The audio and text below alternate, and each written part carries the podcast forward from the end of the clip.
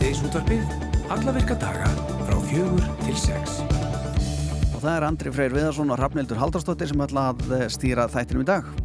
Drátt fyrir mikil mótmæli síðustu vikur hefur Ríkistjórn Fraklands ekki gefið upp á bátinn áformum breytingar á kerfinu en tilstendur að hækka eftirlauna aldurinn úr 62 í 64 ár. Hækkun eftirlauna aldurs hefur verið meðal helstu stefnumóla Emmanuel Macron fra Fraklandsfósita allt frá því að hann bauði sig fyrst fram til fósita árið 2017. Við ætlum að slá þráðin til Parísar, þar býr Kristín Jónsdóttir sem er stundu kölluð Parísardaman Uh, og við ætlum að heyra svona það nýjasta það er allavega einhver mótmæli og hvort að allt sé bara hreinlega verða vittlust þarna Leikarein Jónas Haugur Jónasson hefur undanferðið verið við tökur í Róm, Ítalíu. Þar hefur Jónas verið að leika sjálfan leikstjóran leikaran og framleiðandan Orson Welles sem er á nevægt virtast einstaklingur kvipindasögunar vissulega er eh, ja, leikhæfilegar Jónasar miklir en ekki skemmi fyrir að hann og Orson Welles eru sláandi líkir. Jónas Haugur, hann segir okkur nánar frá þessu ævindir hérna eftir Svo verðist vera sem að hljómsveitin Jeff Hu sé eins og almennilegt eldkost því hún kemur alltaf saman á nokkrar á fresti og það verður allt vittlust og síðast komu, komust tölvert færri fyrir í húsinu sem að tónleikar voru haldir en vildu og nú er annað tækifæri því að Jeff Hu ætlar að koma saman, leifa aðdáðundum að njóta um helgina og það er yðnó og það er söngvarinn Bjarni Lárus Hall sem að kemur til okkur eftir. Já og þetta er 15. ammali setniblötu sveitanar. Emmitt. Já, já. Eh, við ætlum að heyra í Helgu Margreði Hörskulsdóttur, eh, sjómas og útvarskonu en hún er stöðt í Reykjanesbæ þar sem úslitt getur betur fara fram millilega mentarskólans í Reykjavík og fjölbyttarskóla Suðurlands. Já og svo er það önnur Helga sem að kemur líka til okkar, hún ætlar að gefa okkur góður aðvarðandi andlega heilsu og við ætlum að heyra á nokkrum aðferðum sem geta nýst okkur sjálfum í þeirri vinnu þar að segja hvernig við getum hjálpað okkur sjálf mm -hmm. og hún heitir semst Helga Arnaldóttir og félags og.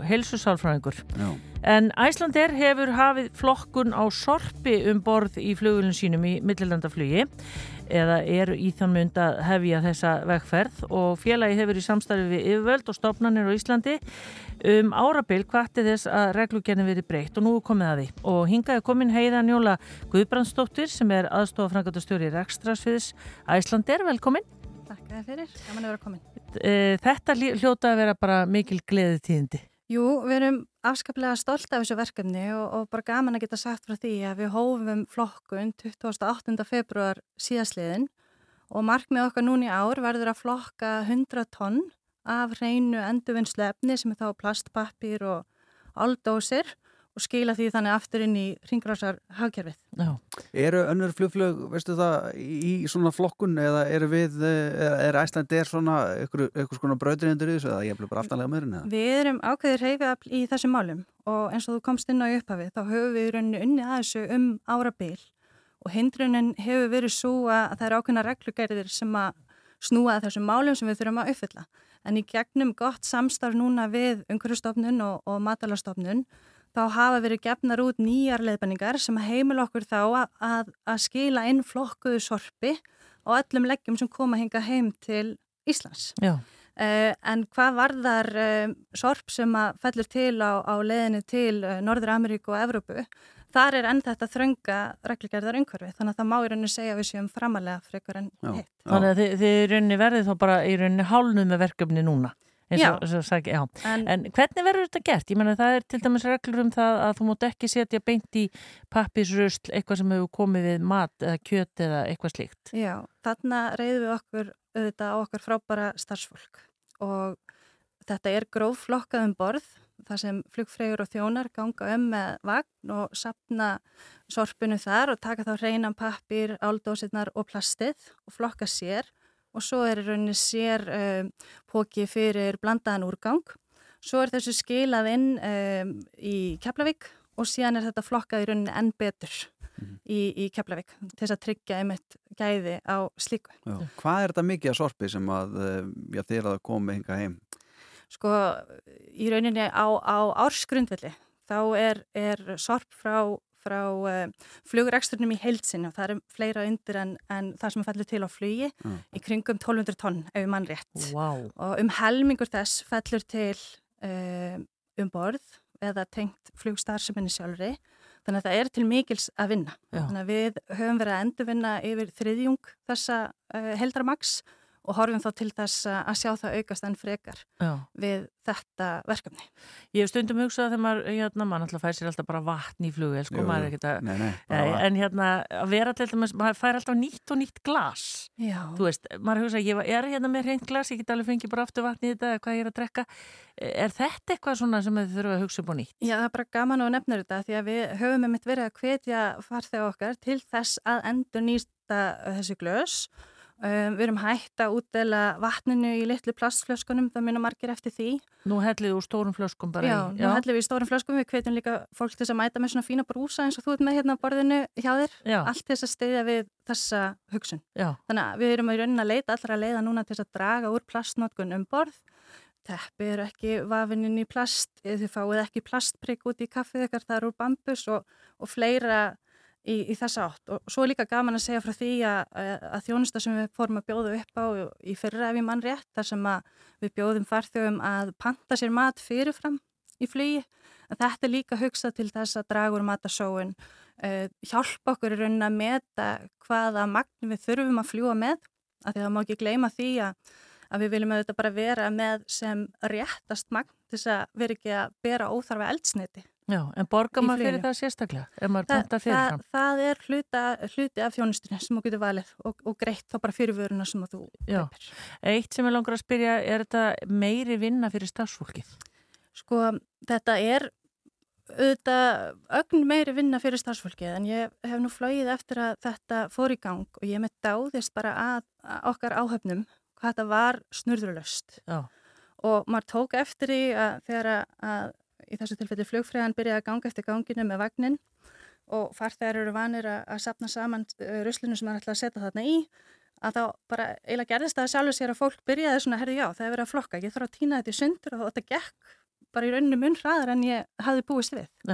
Og, og svo er líka gaman að segja frá því að, að magnið er í rauninu meira en við reiknum með og við erum strax farin að heyra uh, endurgjöf frá áhafnum okkar þar sem að er bent á, herri, við þurfum eiginlega að hafa stærri pókan fyrir þetta flokkaða og minni pókan fyrir uh, almanna úrgangin. Já. eins og maður kannast bara við sjálfur heima hjá sér þegar maður fer að flokka almennilega og sér hvaða er þá í rauninni lítið sem fellir til. já, þá er gráa tunna nánast tóm Já. á meðan hinnar eru fullar, Já, plast og pappir. Það vil verða þannig. Já, heldur að nývapunni verða aftur stál? Nei, nú er maður ekkert endilega að borða mat nema bara sagaglas. já, já, já. Það var einu sinni þannig. Það var einu sinni þannig en það eru þetta meiri þyngd í því og þá myndi maður horfa á eldsneitis öðsluna og, og Æslandi er, við, við höfum unnið eftir umhverju stefni frá árinu 2012 og verið með uh, umhverjus markmið frá þeim tíma og vorum með þetta uppfæra þau núna í fyrra og, og einn liður í þessar umhverju stefnu er einmitt að, að vera með eins góða eldsneitis nýtingu og frekastur önd og, og auðvitað fylgir, fylgir því alls konar. Já, þú varst bara að borða áður nú fyrir vilna. Ég veit að, nei, ég, svoleiðis. nei, þetta, ég er nú bara að hugsa í gamla þetta, að það var alltaf já, om- það- er búið. Já, þetta er spennandi, en er eitthvað svona sem að þú vilt segja við fólk sem er að fara með ykkur í ferðalag á næstunni, það er það sem getur gert, tekið svona brúsa með þér fyrir vatnið? Já, taka brúsan með, auðvitað hérna, vera bara skynnsamar í hvernig fólk bakka niður, njóta ferðalagsins, hafa allt sem þarf. Um, Panta fyrirfram, ef maður getur hjálpa til með það. panta fyrir fram, já, þá, þá ertu líka bara með meira úrval og, og hérna, til þess að velja um í rauninni. Manst í gamla dag að maður var aldrei viss hvort að vera kjúklingur eða fiskur. Já, emmi, ég man eftir svo mörgu, ég man eftir konu sem sagði, ó, svo gott að koma heim og fá íslenska kaffið. Já, já, já.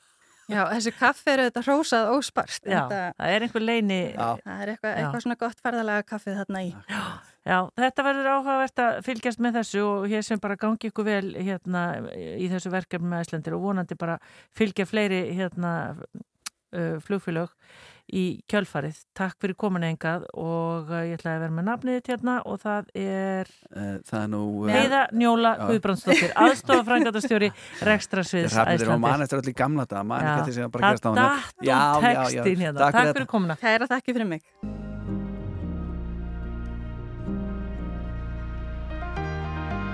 Þreytir fætur dansa ein Við barinn svona kortir í fyrir þrjú. Og vinkonan er farin á mín Fyrir aftan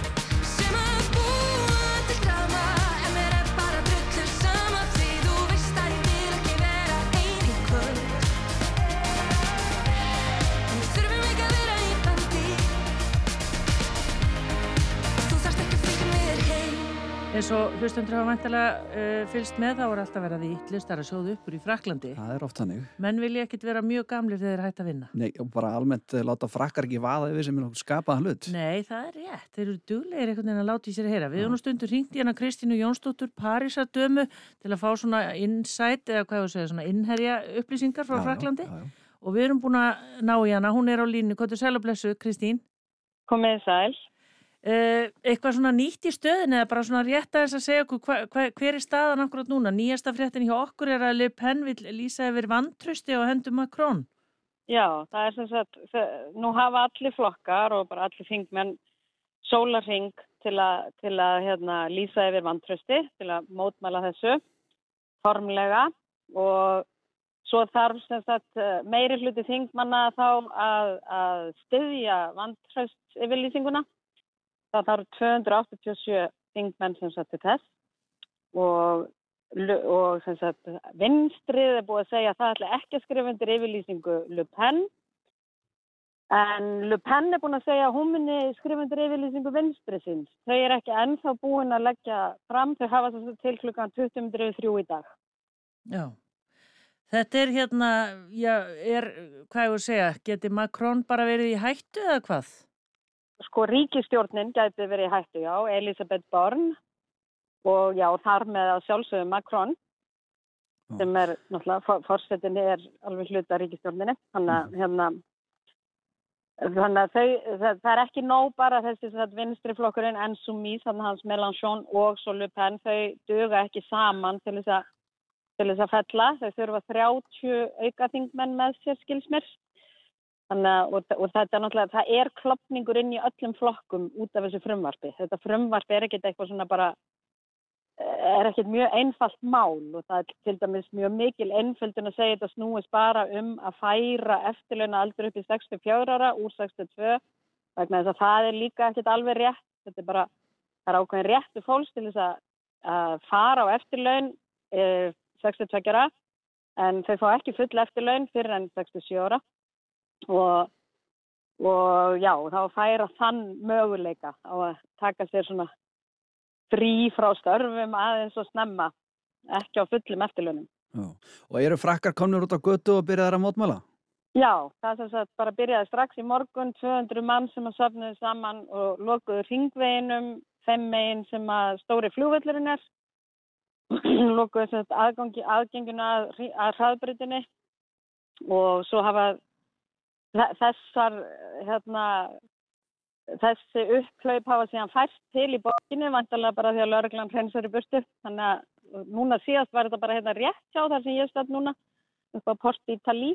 Þannig að það er svona verið að, já, það er koma svona skyndi áhlaupi, loka þess að þá hraðbreytum og við sjáum svo bara hvernig þetta fer inn í pari. Það, var, það fór hérna hópur að brenna rusl í gerðkveldi og svona.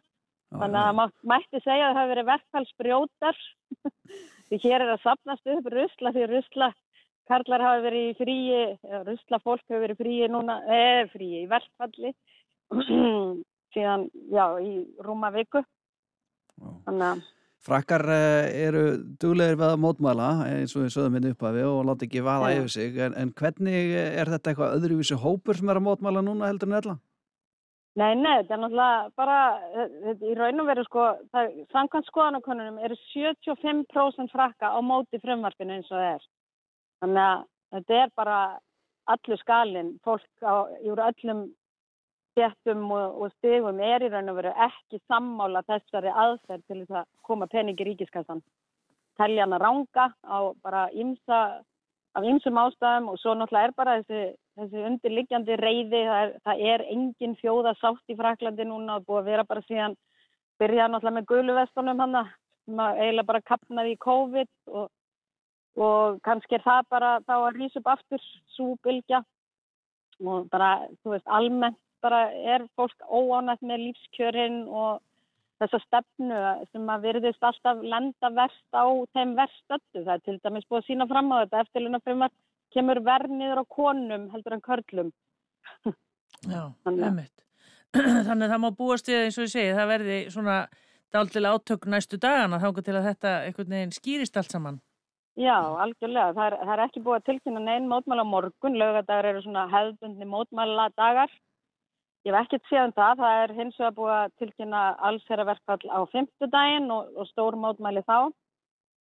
Og fram að því verða eflust eitthvað svona upphlaup og, og læti, sko. Ég held að sé alveg mjög sterkur hópur þarna einhverstað sem er til í að fara að berjast og láta hérna, ekki bara vera í þessum innan gæsaleppa hlýðnu uh, skipulöðu mótmælum.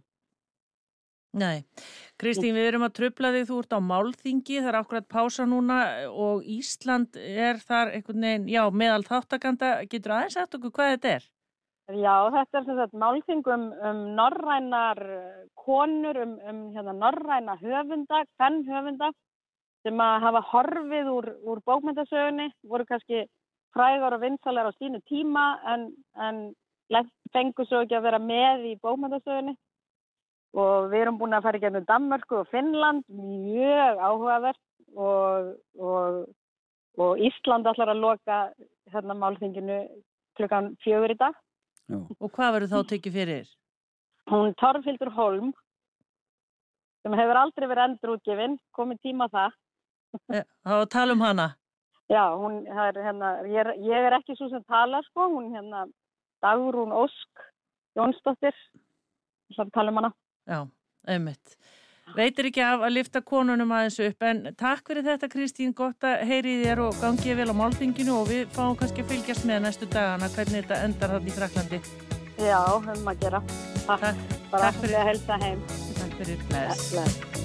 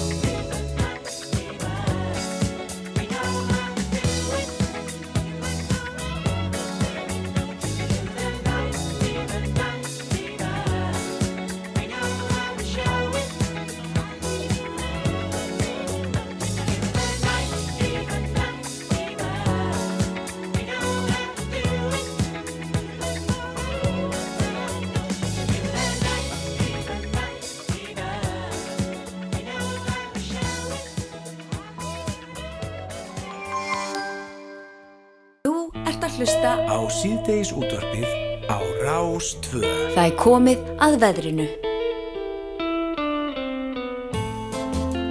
Ekki spyrja mig um Ég ætla ekki að páskaveðrið. gera, ég fæ ekkert upp úr ykkur með þetta Nei. páskaveðri, ég er bara að fara að leita annar að leiða þarna. Ég kem með það í daginn, Er býðið bara, Já, kem bara með það sjálfur. Ertu með innan? ég kem bara ljós, það er ekki, er að stóla ykkur með þetta, það er bara svona. En það er 17. mars í dag og uh, já, það nú gaman að segja frá því að uh, fréttamaðurinn uh, félag okkar síðdeisóttarins, Bjarni Pétur Jónsson, hann á ammal í dag, hann er nú komið enga til okkar, Já, já, útskýrt fyrir okkur hinn og þessi mál á mannamáli, einmitt. gengi ágætlega. Já, og svo er það annar maður sem að við elskum líka mikið og hann Já. heitir Jón Víður Haugsson Já, og er uh, producent, eða framleiðandi hérna á sjónvarpinu. jú, jú. Hann er í kiljunni meðal annars. Já, já, bara ef fólk þið hitti hann á förnum vegi. Já, bara ef fólk vissi hvað hann er búin að færa sjómasánröndum ekki ennum tíðan. Jæja, það er ekkit lítið Nei, sko. það er ekki lítið.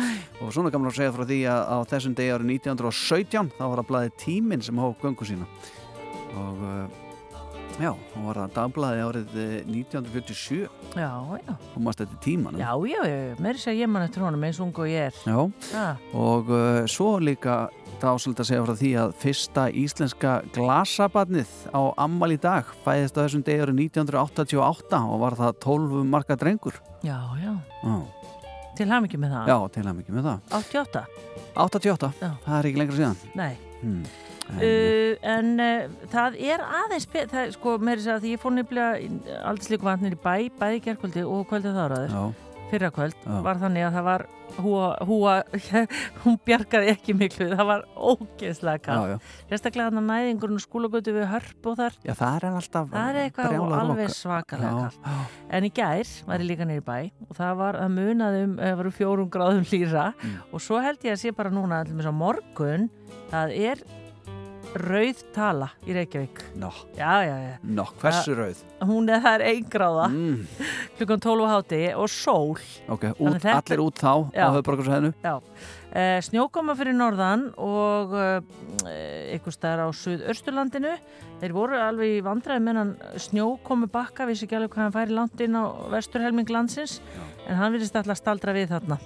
Spáin er annars soljóðandi, austlæg átt 3-8 metrar á sekundu vía skíjað, snjókoma með köflum norðaustanlands, slitta eða snjókoma suðaustan til í kvöld og nótt, talsverð á köflum, suðaustan til, þannig að þið farið varlega sem eru þar. Svo er norðlega átt 8-13 þegar líður á morgundaginn, fyrst norðvestan til, snjókoma með köflum eða jél en þurrt suðvestanlands. Uh, frostið 1-13 stig kaldast í innsveitur norðaustan til en sumstað frostlust siðst og það er svona næstu dagana það er eins og ég segi, það er kallt áfram en þetta er ekki alveg eins gargandi kaldar tölur og verið hafa. Nei, og með þess að mánudaginn þá er hér í höfuborginni tvekja stega það er ómikið það er ómikið Allt ómikið Já, Já, já, en það er sól, bara ótrúlega mikil sól sem skýna okkur. já, Við lótum að fagna því. heldur betur Mm. mm. Þetta var að setja ykkur samband við hana Helgu Margeti Höskuldsdóttur sem er stödd í Reykjanesbæ. Hérna rétt eftir og, og uh, jafnvel hafi fóröfnist aðeins um hvernig uh, veðrið þar og, og, og fá nú meira frá hann líka. Já, getur Petur í kvöld. Já, já, hold you back no more. And God spread your wings and fly away. And carrying you way too long Like an obsession. I thought you were a living part of me But I got my power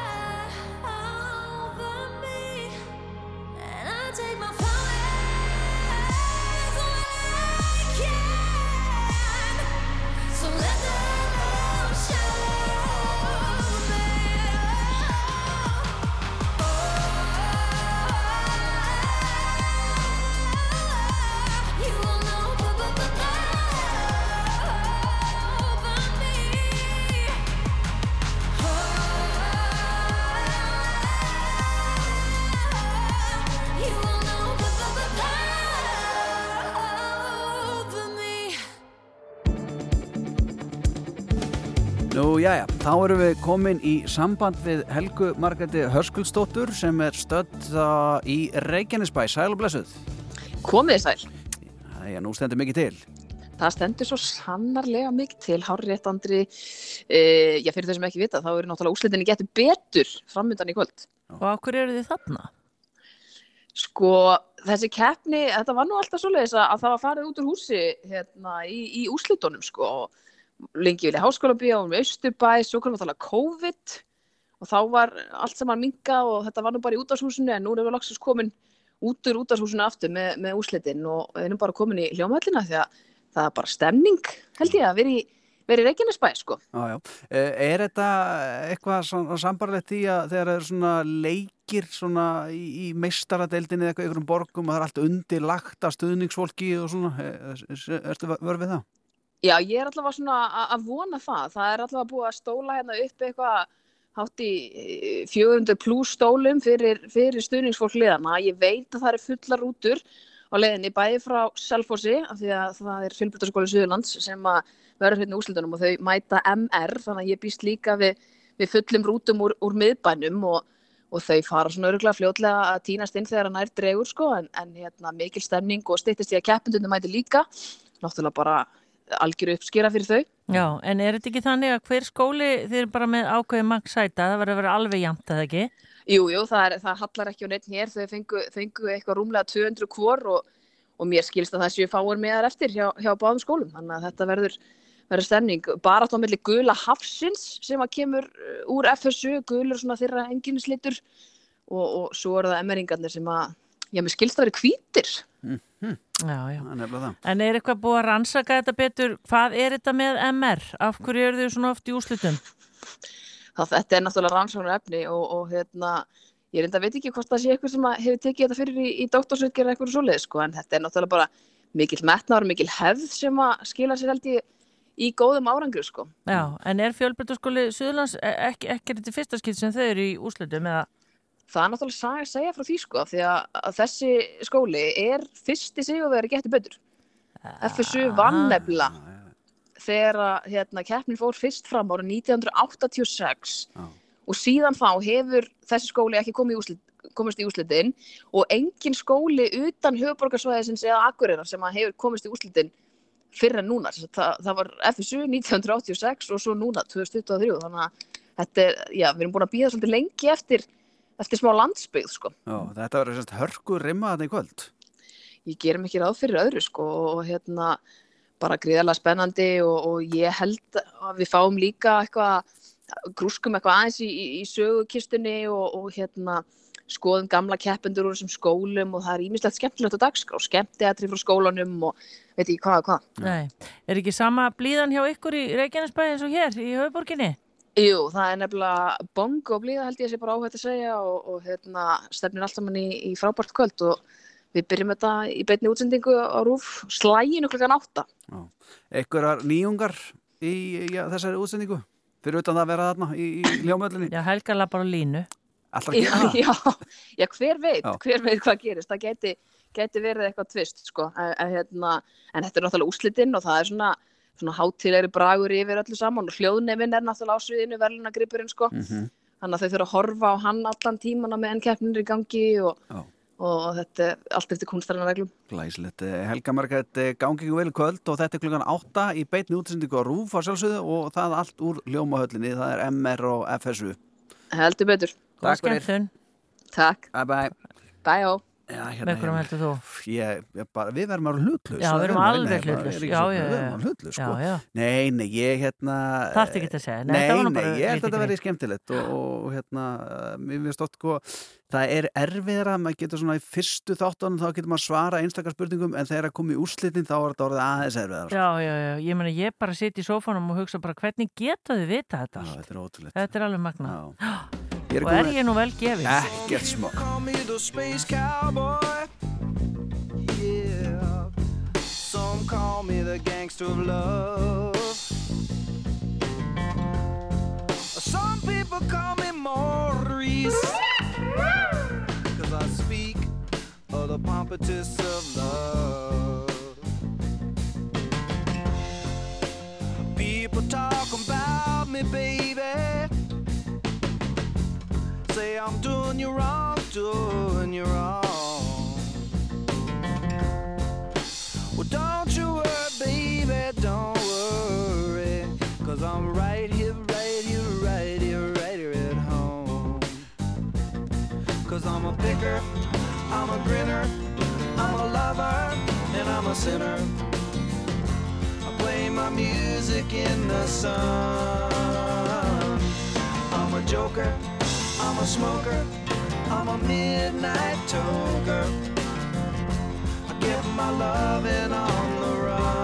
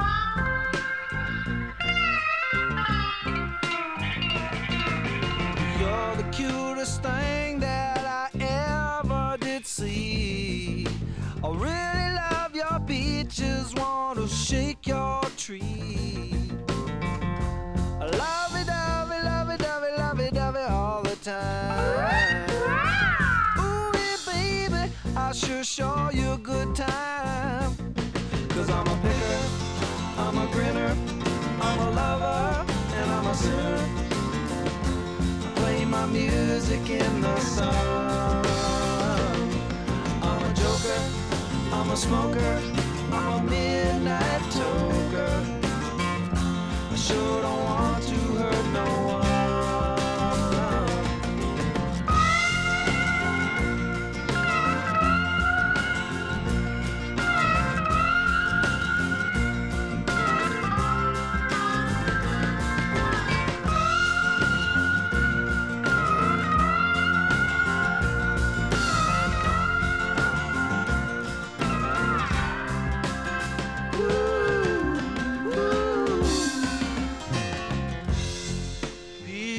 Talking about me, baby. Say I'm doing you wrong. Well, don't you worry, don't worry, no, don't worry, mama. Cause I'm right here at home. You're the cutest thing I ever did see. Really your peaches, wanna shake your tree.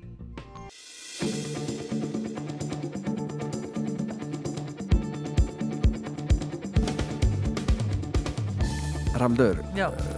hvað heldur þú að segja með langa tungu? Hvað ertu þá að tala um í sentimetrum? Já, já. Ó, ég er svo lélega í svona mæli, ég veit það ekki. Nei. Bara mjög venjulega. Hvað er það? Uh, Allra tunga ég ætla ekki að segja hennar tölu því þá Nei. fæ ég að já, hvernig já, Tiltal hérna Já, já, já. Eh, sko, meðalengd eh, tungna kvenna Já. er eh, 7,9 cm og meðalend uh, hjá köllum er 8,5 cm nema hvað, það er einn heimsmetsafi sem er með lengstu tungu í heimi og uh, hún er uh, 10,1 cm sem er 3 cm lengri en, en svona meðalengd tungna og, og uh, hann heitir Nick Stoeber og uh, sem sagt er búsettur í, í Kaliforníu. En hann var að slá heimsmet. Ekki það fyrir að hvað tungana sé löng heldur hefur spilað jenga Já, Já, hann er sem sagt uh, hraðastur í heimi við að ná sem sagt út fimm jengakuppum með tungunni og hann tókst að fjarlæga fimm kuppa úr jenga spilinu. Og fyrir ykkur sem ekki veit hvað jenga er kuppar. Já, svona kuppa sem er aðast upp í svona turn og svona íta úr svona einum og einum sko. Mjög skemmtilegt spil.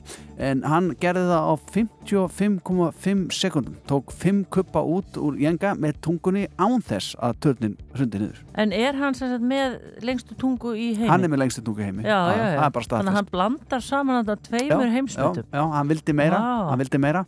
Er það þá ætla að sé á tveimur stöðu þá í bókinu? hann er á tveimur stöðum bókinni já, já, Vá! Ég magna. Ég á jenga, Ég það líka. Ég veit ætla nákvæmlega- bæði að mæla tunguna og pröfu hvernig ekki ætla hann heldur að rúlla henni svona upp eða hvernig ætla hann að gera Nei, ég hef hann ekki já, hann, Er myndað þessu? já, já, það er myndast hann er bara hérna, að reynmyndan um sleikja ís og önnur, það sem er nefnir tunguna á janganu sko.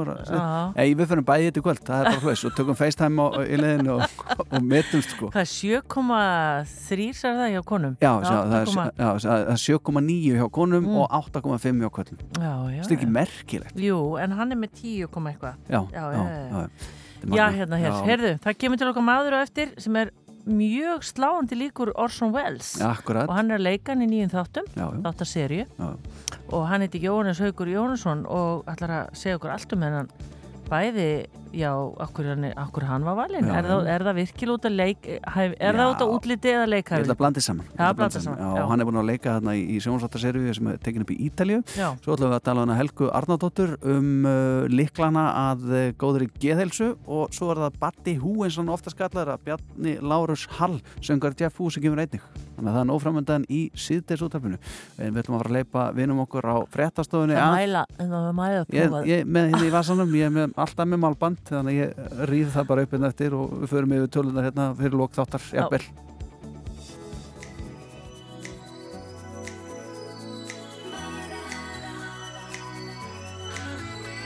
It's murder on the dance floor.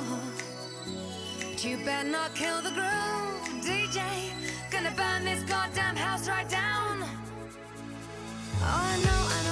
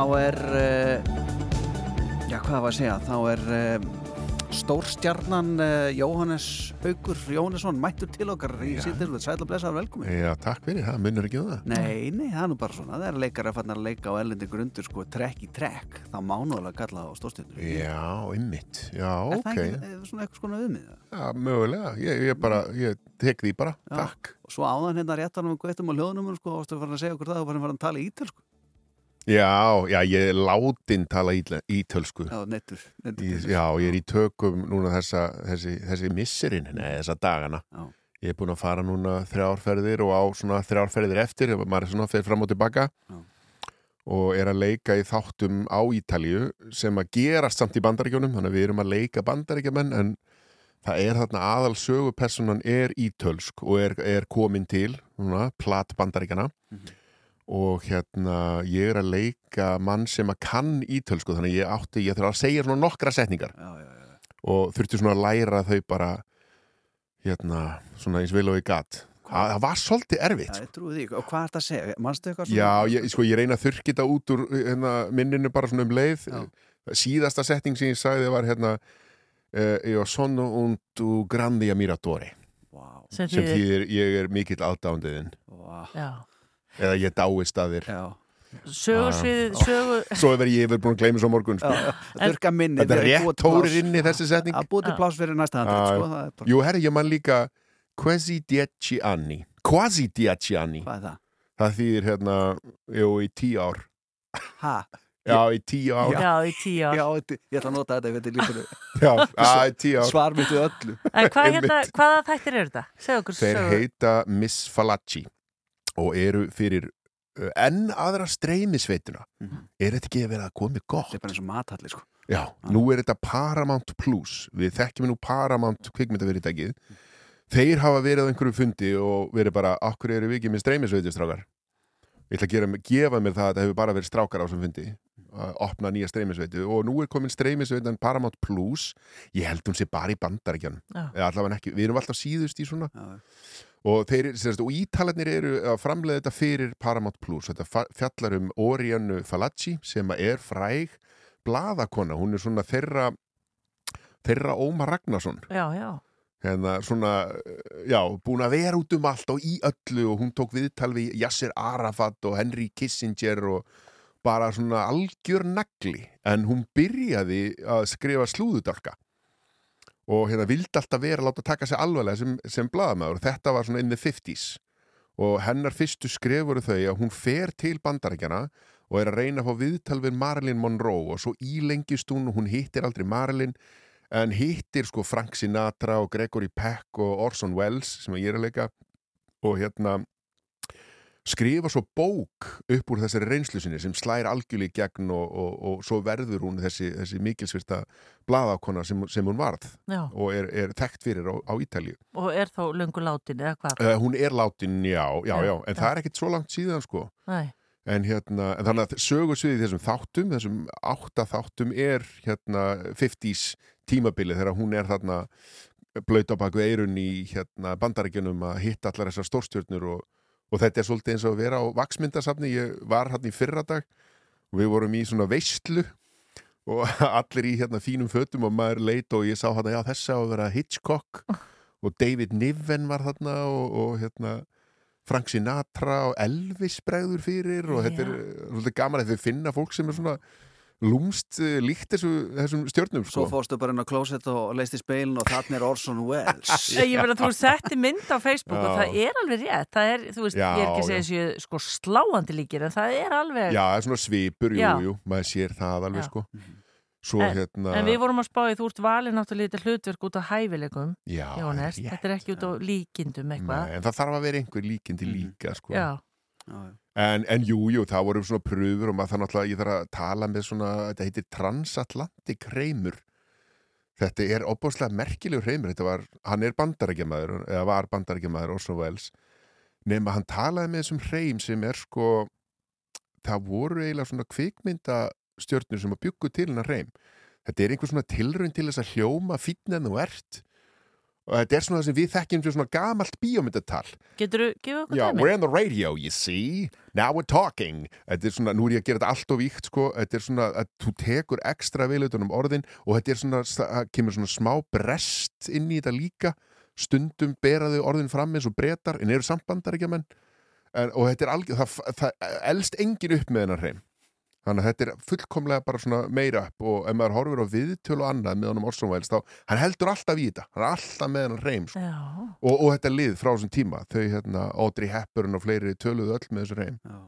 Þegar að þú tekur aðeins svona hlutverk eins og Orson Welles og maður er oft heyrt þegar fólk er að leika einstakleik sem er í lifandi þá fara það að hitta manneskjörnur að hanga með ykkur vikur og svona til að Já. ná hvernig þau reyfa sig og, og reymnum og svona Ert þú ekki búin að þurfa að horfa svolítið mikið á viðtöl, hann? það, jú, það voða gaman ef maður er að leika einhvern svona sem er til eitthvað af því að þegar maður er að leika einhverja persónu sem var ekki til og ekki til um þá er maður svolítið svona Já. að búa, búa sér til einhverja forsendur Mm. þannig eru til ákveðna forsendur og það er voða gaman að að horfa á viðtöl, horfa, ég er búin að vera að horfa á bíómyndir hans, hérna, frægustu verkin og, og alls konar viðtöl sem eru til og, og þeir sem þekkja vita að hann var, þegar hann var eldri var hann alveg stór skemmtilegur og stór furðulegur jafnvel og maður svona kannski pikkar upp einhverja, einhverja svona einhverja stæla, hvernig hann hlær og eitthvað og reynir að, en trikkið er náttúrulega maður getur ekki bara verið í einhverju svona eftirhermuleik að endanum þá verði ég alltaf bara að leika hann svona út frá mér en ég get svona incorporate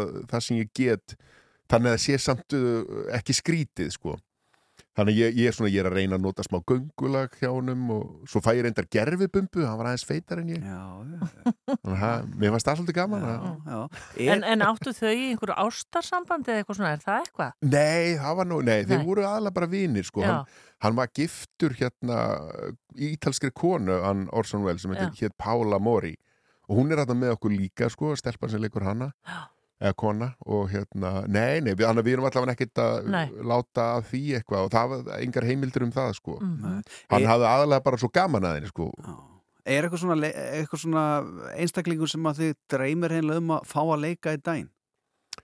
Uh, nei, í rauninni ekki sko Nei. ég hugsaði þetta ekki þannig en eh, mér hefur stundum verið líkt við en einhvern tímann hefur fólk eitthvað postað einhverju mynd af Orson og, Já, og eitthvað svona og líkt mér við hann og, og, og þá svona hugsaði já maður kannski leikur hann einhvern tímann en svo bara hinga erum við komin sko. að En segðu okkur aðeins frá hvernig þetta virkar sko þegar þú ert kallar í pröfu og svona, hvernig fer þetta fram? Bara svona, svona, setja sig aðeins inn í Já, það. þetta er undanfæran ár þá hefur þetta allt færst yfir á hérna bara netið þess að maður þarf ekki lengur að mæta á staðin í svona fyrstu umferð þannig að þetta kemur allt í gegnum umbóðsmenn og þeir bara senda manni, eru það að vera að leita hérna, manni að leika Orson Welles og hér er atriði og svo tekur maður þetta bara sjálfur upp heima hjá sér. Já. og er, er kannski með svona smá aðstuði í það, ljós og, og hljóðgræður og svona. Svo bara gerir maður það og, og sendir teipið gegnum internetið. Og svo bara uh, oftast bara heyri maður ekki meir en svo hérna stundum þá er haft samband við mann aftur og stundum mannum bara ef mann er bóðið hlutverki bara strax uh, eða þá er maður beðin um að gera aftur og kannski eitthvað öðruvísi eða stundum er maður beðin um að fara til London og hitt einhvern og þannig að allur gangur á þessu og svo endanum ef mann er bóðið hlutverkið eða ekki sko Það er uh, já, töluvert mörg hlutverkin sem þú tekið ellendum þáttum og líka Já, já, í bíómyndum. Þetta er slatti, sko. Um, er eitthvað svona að því að maður getur ímyndað sér að, að aðstæðir séu mismunandi og uh, luxusin í kringum tökuna sér líka mjög misjafn. Stundum ertu kannski bara að hýrast eitthvað staðar út í einhverju tjaldi skýta kulda í, Já. í, í úlpunniðinu og þetta býðið til að ná að hitta til að geta farið og sagt línunni en eitthvað svo leiðis en mannst eftir eitthvað svona sem er mest í lúksusinn og, og eitthvað Já. sem er svona svo vestið að síst Já, jú, jú, maður, sko, það er alveg skýr skil á milli Evrópu og bandaríkjana þetta. já, Bandaríkja mennir, þeir trýta sitt fólk, sko. Já.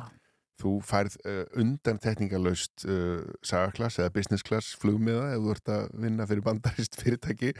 En eins og núna, þetta er Paramount Plus bandarast fyrirtæki, en þetta er í gegnum ítalst framlýslu fyrirtæki.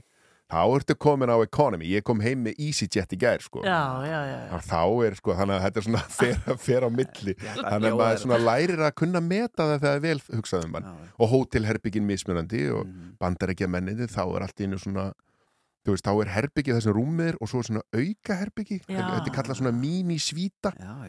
En hann út á Ítalíu, þar er ég með herbyggi sem að svona rétt passar utan um rúmið. og jú, jú, salerni þannig að, en þú veist, allt er þetta nú allt í lægi og maður kvartar ekki yfir þessu, en, en það er alveg skýr munur og munurinn liggur hann að sikkurum megin við allansafið. Bandar ekki að mennir, þeir, þeir setja aðeins meir í þetta, sko. Akkurat, akkurat. Og þá má spyrja sig, er, er það endilega þessi virði, sko, mætti Já. ekki, Mætti ekki spara í þessu mætti ekki spara í þessu? Ah. En er þitt líf er bara búið að vera undanfærin ár í, í þess áttina? Já, já, þetta er að vera komin tíu ár síðan ég byrjaði að vinna í svona erlendu verkefnum og, og það, já, allavega nógu mikið til að, að það er bara svona mitt aðalstarf og ég, maður sakna nú stundum leikkursins og svona hérna heima en, en það er svo mikið tíma skuldbytting í því þannig að það fer ekki saman Já. en kannski hérna einhver tíman kem ég skriðandi tilbaka Það er ekki fríhefni í leikursinu. Nei, nei, það er rétt. En passar þetta vel svona fjölskyldilíf og þetta? Eins og pappi sér á sjónu bara eða hvað? Já, en valla sko því ég er aldrei svona lengi sko. Nei, yfirleitt er þetta eins og ég fór út á mánudaginn og kom heim í gær. Og ég fór mér út í vikunni þar áður líka. Fór ég út á sunnudegi og kom heim á veist, þannig að mér er að fljúa rosalega mikið og bara stutt í einu þannig að það er ekki einu tími til að sakna neins. Nei, en, og stundum jú lendi með kannski tveimur, max þremur vikum. Og svo er maður, þú veist, ég er í frí alveg meiri hlutan árunu, sko. Það er ekkit, þetta er ekkit alveg stöðugt. Þannig að þetta er mjög fjölskyldu vænt sko, Já. eiginlega fjölskyldu væntna en, en að vera í leikhúsi og vera alltaf frá svona nokkur kvöld í viku og yfir matmálstímar og svona. Og svo tek ég líka fjölskylduna með mér út og svona ef þetta er, ef þetta er kannski mánuður eða eitthvað, Mhm. einmitt. þannig að það er bara fín Þannig að við þurfum að fá okkur þessa streymisvitu til að sjá þig. Jói. Já, ég held að þetta verður svona selt á, ég held að þú getur ekki fengið þetta á Íslandi. Nei, Þetta er eitthvað svona dæmi sem verður selt á, þú veist, stöð 2 eða rúfi eða eitthvað svo leiðis. tölum við skarpa. Já, einmitt. Þannig að kannski á næsta ári verður þáttaröðin Miss Falacci sínd á rúf. Hver veit, hver veit. Eh, Á Jónas Haukur. sunnundaskvöldi. Já, Vá, tilvalið. passa vel. Ekki missa Miss Falacci á sunnundaskvöldi. ég, sé þetta, ég er bara búin að sjá seríuna fyrir mig Jónas Haukur Jónasson, takk ég alveg fyrir komuna og, Takk fyrir kaffið. uh, Já, bara verða þeirra eitthvað og góða helgi ég sömulegis.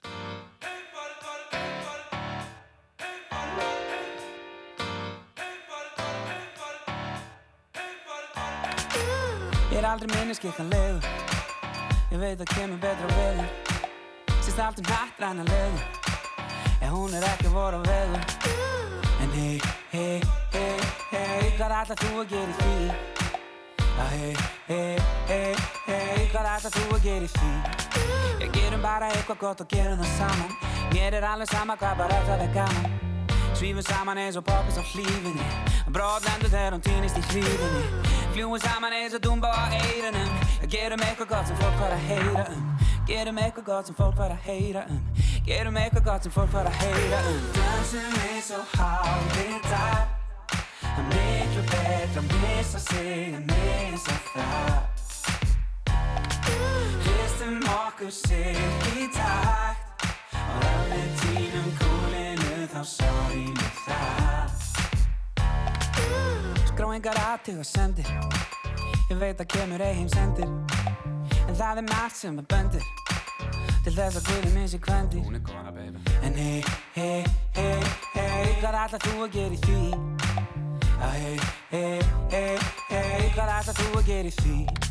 Ég gerum bara eitthvað gott og gerum það saman. Mér er alveg sama hvað bara það er gaman Svífum saman eins og poppis á hlífinni. Brotlendur þegar hún týnist í hlífinni.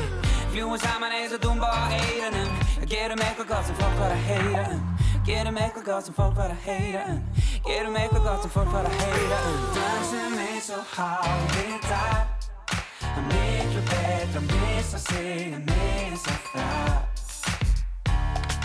Hristum okkur sig í takt. Og allir tínum kúlinu þá sorry með það. Ef að þú vilt dansa eins og drottningin í draginu máttu það. Ef að þú vilt dansa eins og fylarinn á þakinu máttu það. Og ef að þú vilt bara sófa dilla þér með læginu máttu það. En ef að þú vilt dansa eins og famaður í fæinu máttu það. Dansum eins og hálfvitar Það er miklu betra að missa sig en missa það Hristum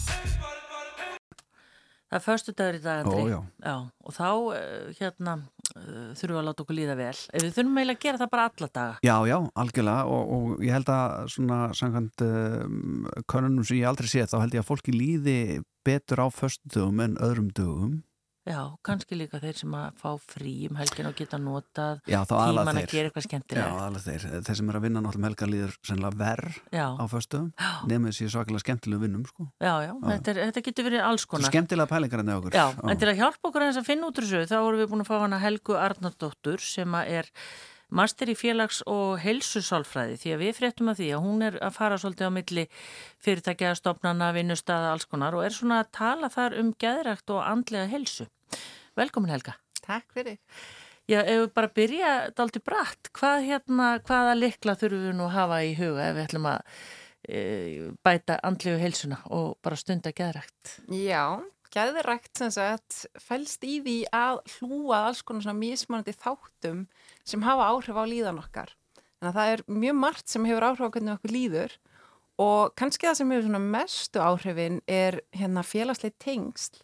Þannig að það er kannski svona fyrsti líkilinn sem við getum rætt um að hérna það skiptir máli að hlúa félagslegum tengslum, að líti ekki bara á þetta sem eitthvað svona afþreyingu eða eitthvað sem má mæta afgangi og gera setna því ef tíma heldur að gefa okkur tíma, bara skipuleggja þetta inn í dagskrána okkar, að við þurfum að eiga í samskiptu við fólk, hitta vinn okkar, fjölskylduna að, og, og það er ekki bara eitthvað svona til að drepa tíman, þetta er virkilega mikilvægt fyrir andlega líðan okkar.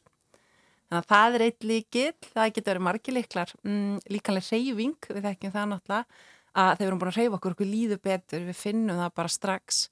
Um, svo er alls konar svona tilfinningar sem við getum verið að rækta, eins til dæmis þakklæti, það er einn af þessum liklum að leiða huga reglulega að þessu góða í lífinu.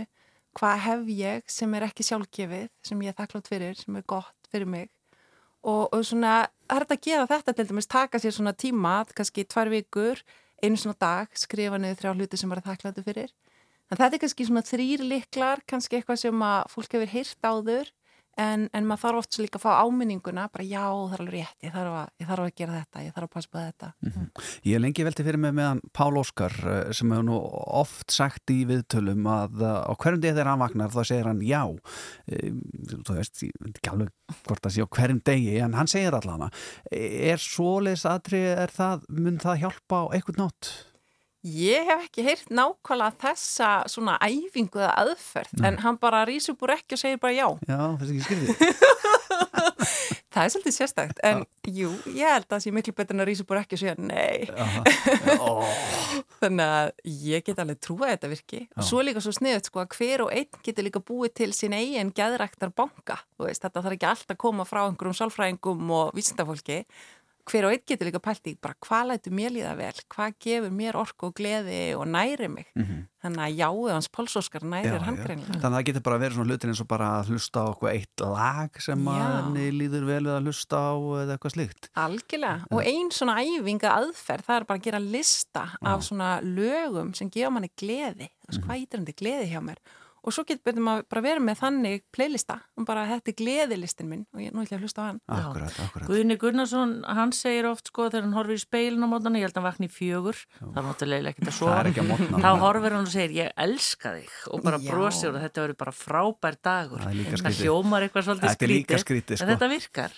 Já, algjörlega, þetta virkar fyrir hann og svo eru sumir sko sem að bara eru svo langt frá að elska, elska sig að ef þeir gera þetta, að það bara nei, ég elska mig nú ekki sko. En þá getur maður sagt, ok, en með þig ég væntu mig eða ég vill mér vel, hvað sem að svona virkar fyrir mann, mm veist, þetta er kannski of stór setning fyrir suma, en það er hægt að segja eitthvað, herri, ég með þér í liði, þú veist, ég vil þér vel, ég vona okkur gangi vel í dag. út skárin í gæra þá en sko þú ert að fara inn á vinnustæði Mhm. og uh, ert svona að tala við hópa á starfsfólki. Mhm. finnur þið fyrir því að þessi léttara yfir fólki eftir því sem er bjartara? Er þá auðveldra eiga við starfsópa heldur en það er bara svartasta skandið? Ég finn þetta allavega á fólki svona yfir höfuð að það er alveg þannig. Og, og ég líka, ég vinn í gæðhjálp líka svona hlutastarfi ráðgjöf þar. og ég finn það alveg greinilega að það er miklu meiri þingsl í fólki svona desember, janúar, februar að þessi mánuður þá er fólk yfirleitt þingra og, og svona það sem það er að glíma við, það er einhvern veginn, kannski er að glíma við svipaða hluti svona í ytra umhverfinu en það er eins og það svona íþingið þeim meira á þessum tímum einhvern veginn. Þannig að já, mér finnst ég alveg finna það greinlega á fólki svona í samfélaginu. Auðvitað er að misjáftust, sumur finna ekkert mikið fyrir þessu, en, en jú, svona í heildina, það held ég þetta hafi mikil áhrif á marga. En ef við svona myndum taka þetta saman, við tölum um þessa likla, Mhm. er ótrúlega margt sem að við í raun og veru getum gert sjálf Já. áður en við þurfum að leita okkur aðstóðar. Já, ég held að það sé gott að hugsa um þetta svona tvíþætt með geðelsuna, að hérna, að það er mjög gott að viðurkenna að maður þarf hjálp og fá hjálp, það til svo mikið af flottri hjálpa hann úti, þannig að um að gera nýta sér það og sem betur fyrir það alltaf að verða minna og minna svona tabú, þú veist, það er ekkert einhver skömm að segja núna að ég er að fara til veist, þannig að um að gera, en ég held að áttum okkur ekki oft, oft á því að það er svo margt sem við getum líka gert sjálf, að og við getum gert bæði, bæði leita okkur aðstarfi það sem er íþengi okkur og, og svo les, en svo líka svo margt sem við getum öll gert, hvort sem að við erum að finna fyrir sko þunglindi eða ekki, uh, bara til að efla geðelsuna, líða betur. Og hérna, og það er líka sko margt sko eins og, eins og til dæmis að finna fyrir tilgangi, þú veist það skiptir mála ég sé hérna. Það er til æfingar sem hjálpa manni með það til dæmis. Það er eins og hérna að skrifa lista yfir hluti sem maður hefur gert sem að hafa svona haft góða áhrif á aðra. Veist, maður getur kannski rentið við vikuna. Hvað er ég búin að gera þessari viku sem svona það sem ég hafði áhrif á umhverju mitt og létt gott á mig leiða á einhvern hátt Einmitt. Eh, sko, oft hefur maður heyrt um þegar fólki líður illa og þá talað um sko, já, ég var bara heim og, hérna, og tróði mig í ís eða hérna, pantaði mig pítsu og átt líka kvítlusbröði með og eitthvað svona. Eh, er eh, í alvörunni tenging á milli þess að líða illa og dæli sig mat sem er ekkert svakalega hollur? Sko, ég þekki þetta ekki alveg nóg vel. Ég ekki alveg sér rannsóknir það sem er svona ruslmatur og vannlíðan, en ég held við finnum það flest á einskinni, þú veist. Mm. Þannig að mig grunar að það sé þannig. En það er allan til rannsóknir á fólk sem að borða nóg mikið að grammit og ávöxtum að því líður betur. Þannig við vitum allan að það hefur jákvæðar og líðan okkar. Já. Við erum komið nokkra likla andri hérna inn í helgina Mhm. og þetta með reyfingunum sko það skal tekið fram og það þarf ekkit að fara endilega inn á líkansrækta stöðu eitthvað, það er auðvilt að fara bara út að ganga. Algjörlega. og svo er auðvilt að segja þetta en sumir einhvern veginn hafa sér ekki að stað. Nei, og ég, mitt, sko, ég talaði við hennar konun daginn og hún var að upplega alveg opaslega svona erfið tímabil og mikið þunglindi og hún setti sér svona reglu að hún þurfti að lappa í fimm mínútur í burtu frá húsinu sínu svo mætti hún snúa við og lappa tilbaka og þá var hún komið tími hérna göngutúr. Að þetta var allt sem hún reði við eins og staðin er núna, en þetta er bara flott þú ert að reyfa þig, þú ert ekki að reyna að vera eitthvað rosa fittur og flottur, þú ert bara að reyfa þig til þess að líða betur og brýtur upp daginn. Algjörlega. Má ég setja ís á lista minn? Er, er það, þú veist, bara eitt ísblóm eða eitthvað svona bara Algjörlega, lítið? bara leifa sér eitthvað gott í hófi og njóta þess, þú veist, við verðum nú líka að fá eitthvað svona að njóta. Já. En það er St. Patrick's Day, má ég setja Guinness eða eitthvað, er það, er það ólandsgengi það- varlega, fara Já, já, varlega. Það er, nú erum við komin á svona eldrind efni. sko. Akkurat, ég tek það á listanum bara hjá mig Herði, en við erum komið þetta svo, þetta með tónlistina sko, Já. við verðum alltaf að spila eitthvað rosa létt eftir þetta. Já, ég held að nú gera það og hér kemur það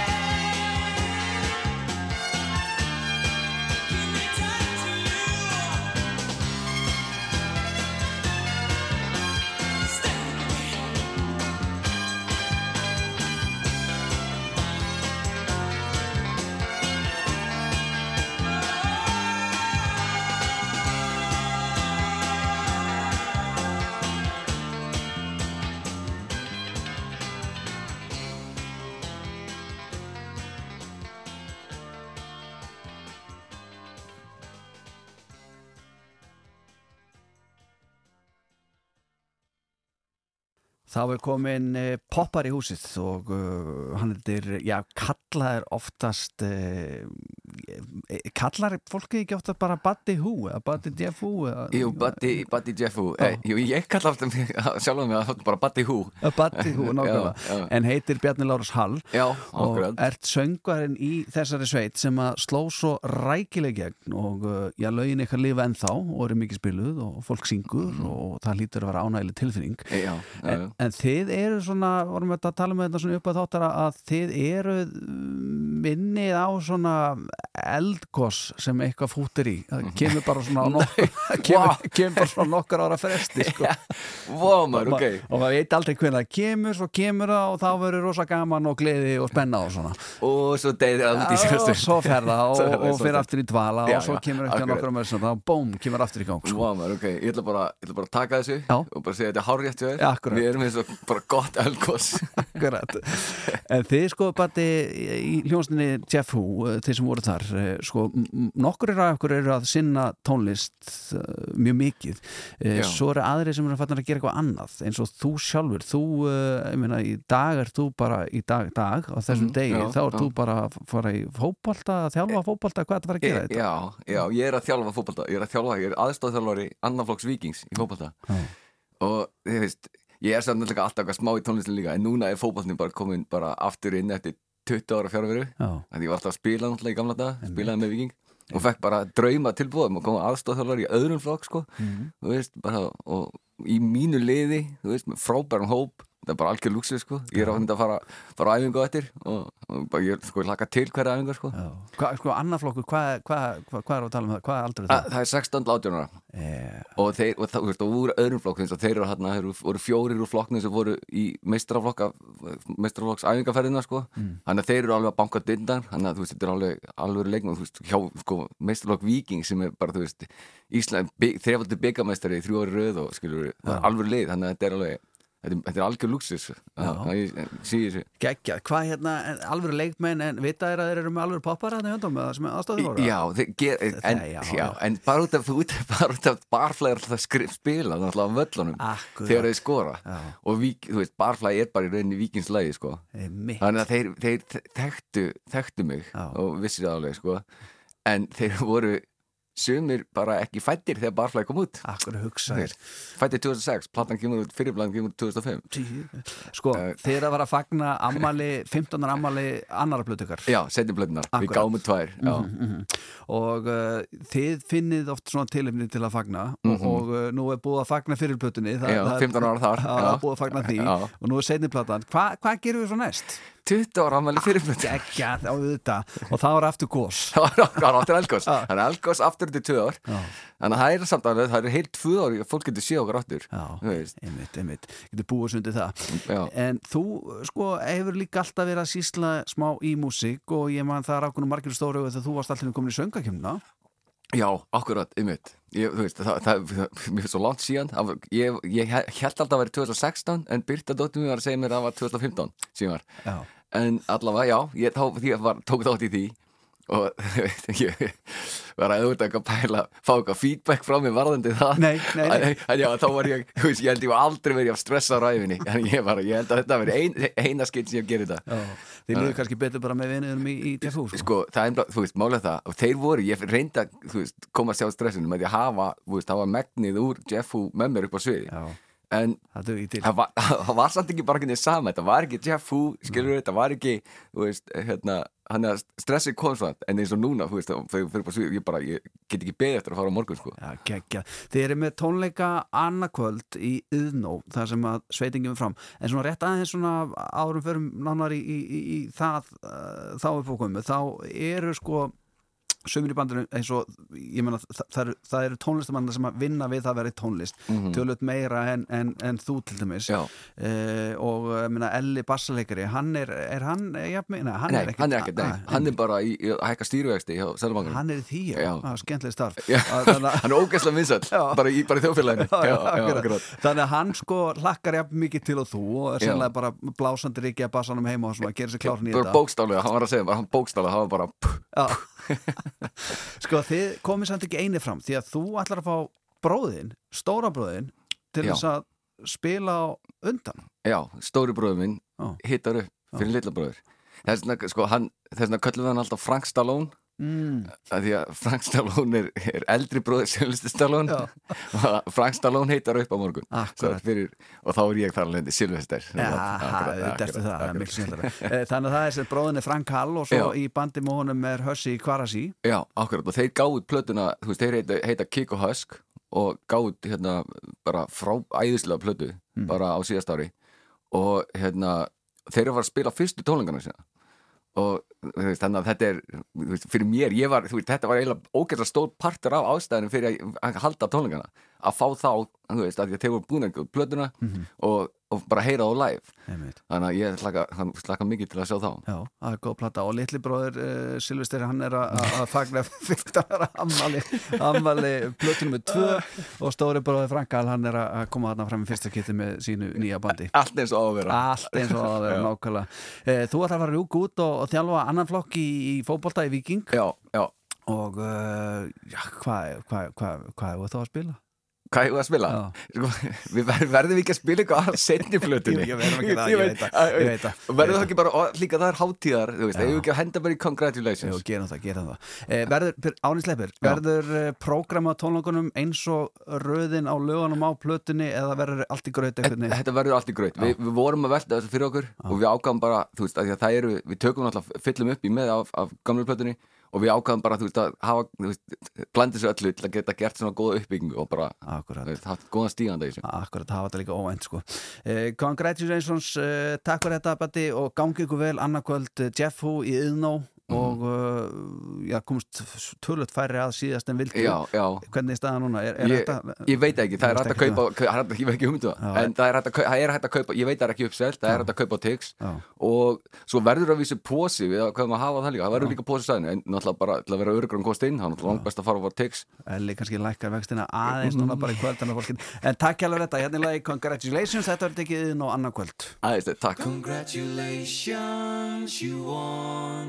þetta, hérna er lagi Congratulations, þetta verður tekið inn á annar kvöld Æðislega, takk Congratulations, you won. You made a fool of everyone. You took your best friends for a ride. And now your parents lost their pride.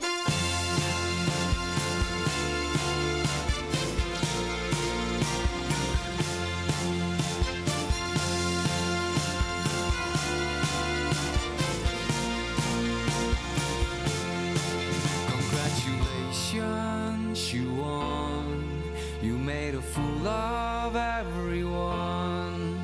You took your best friends for a ride. And now your parents lost their pride.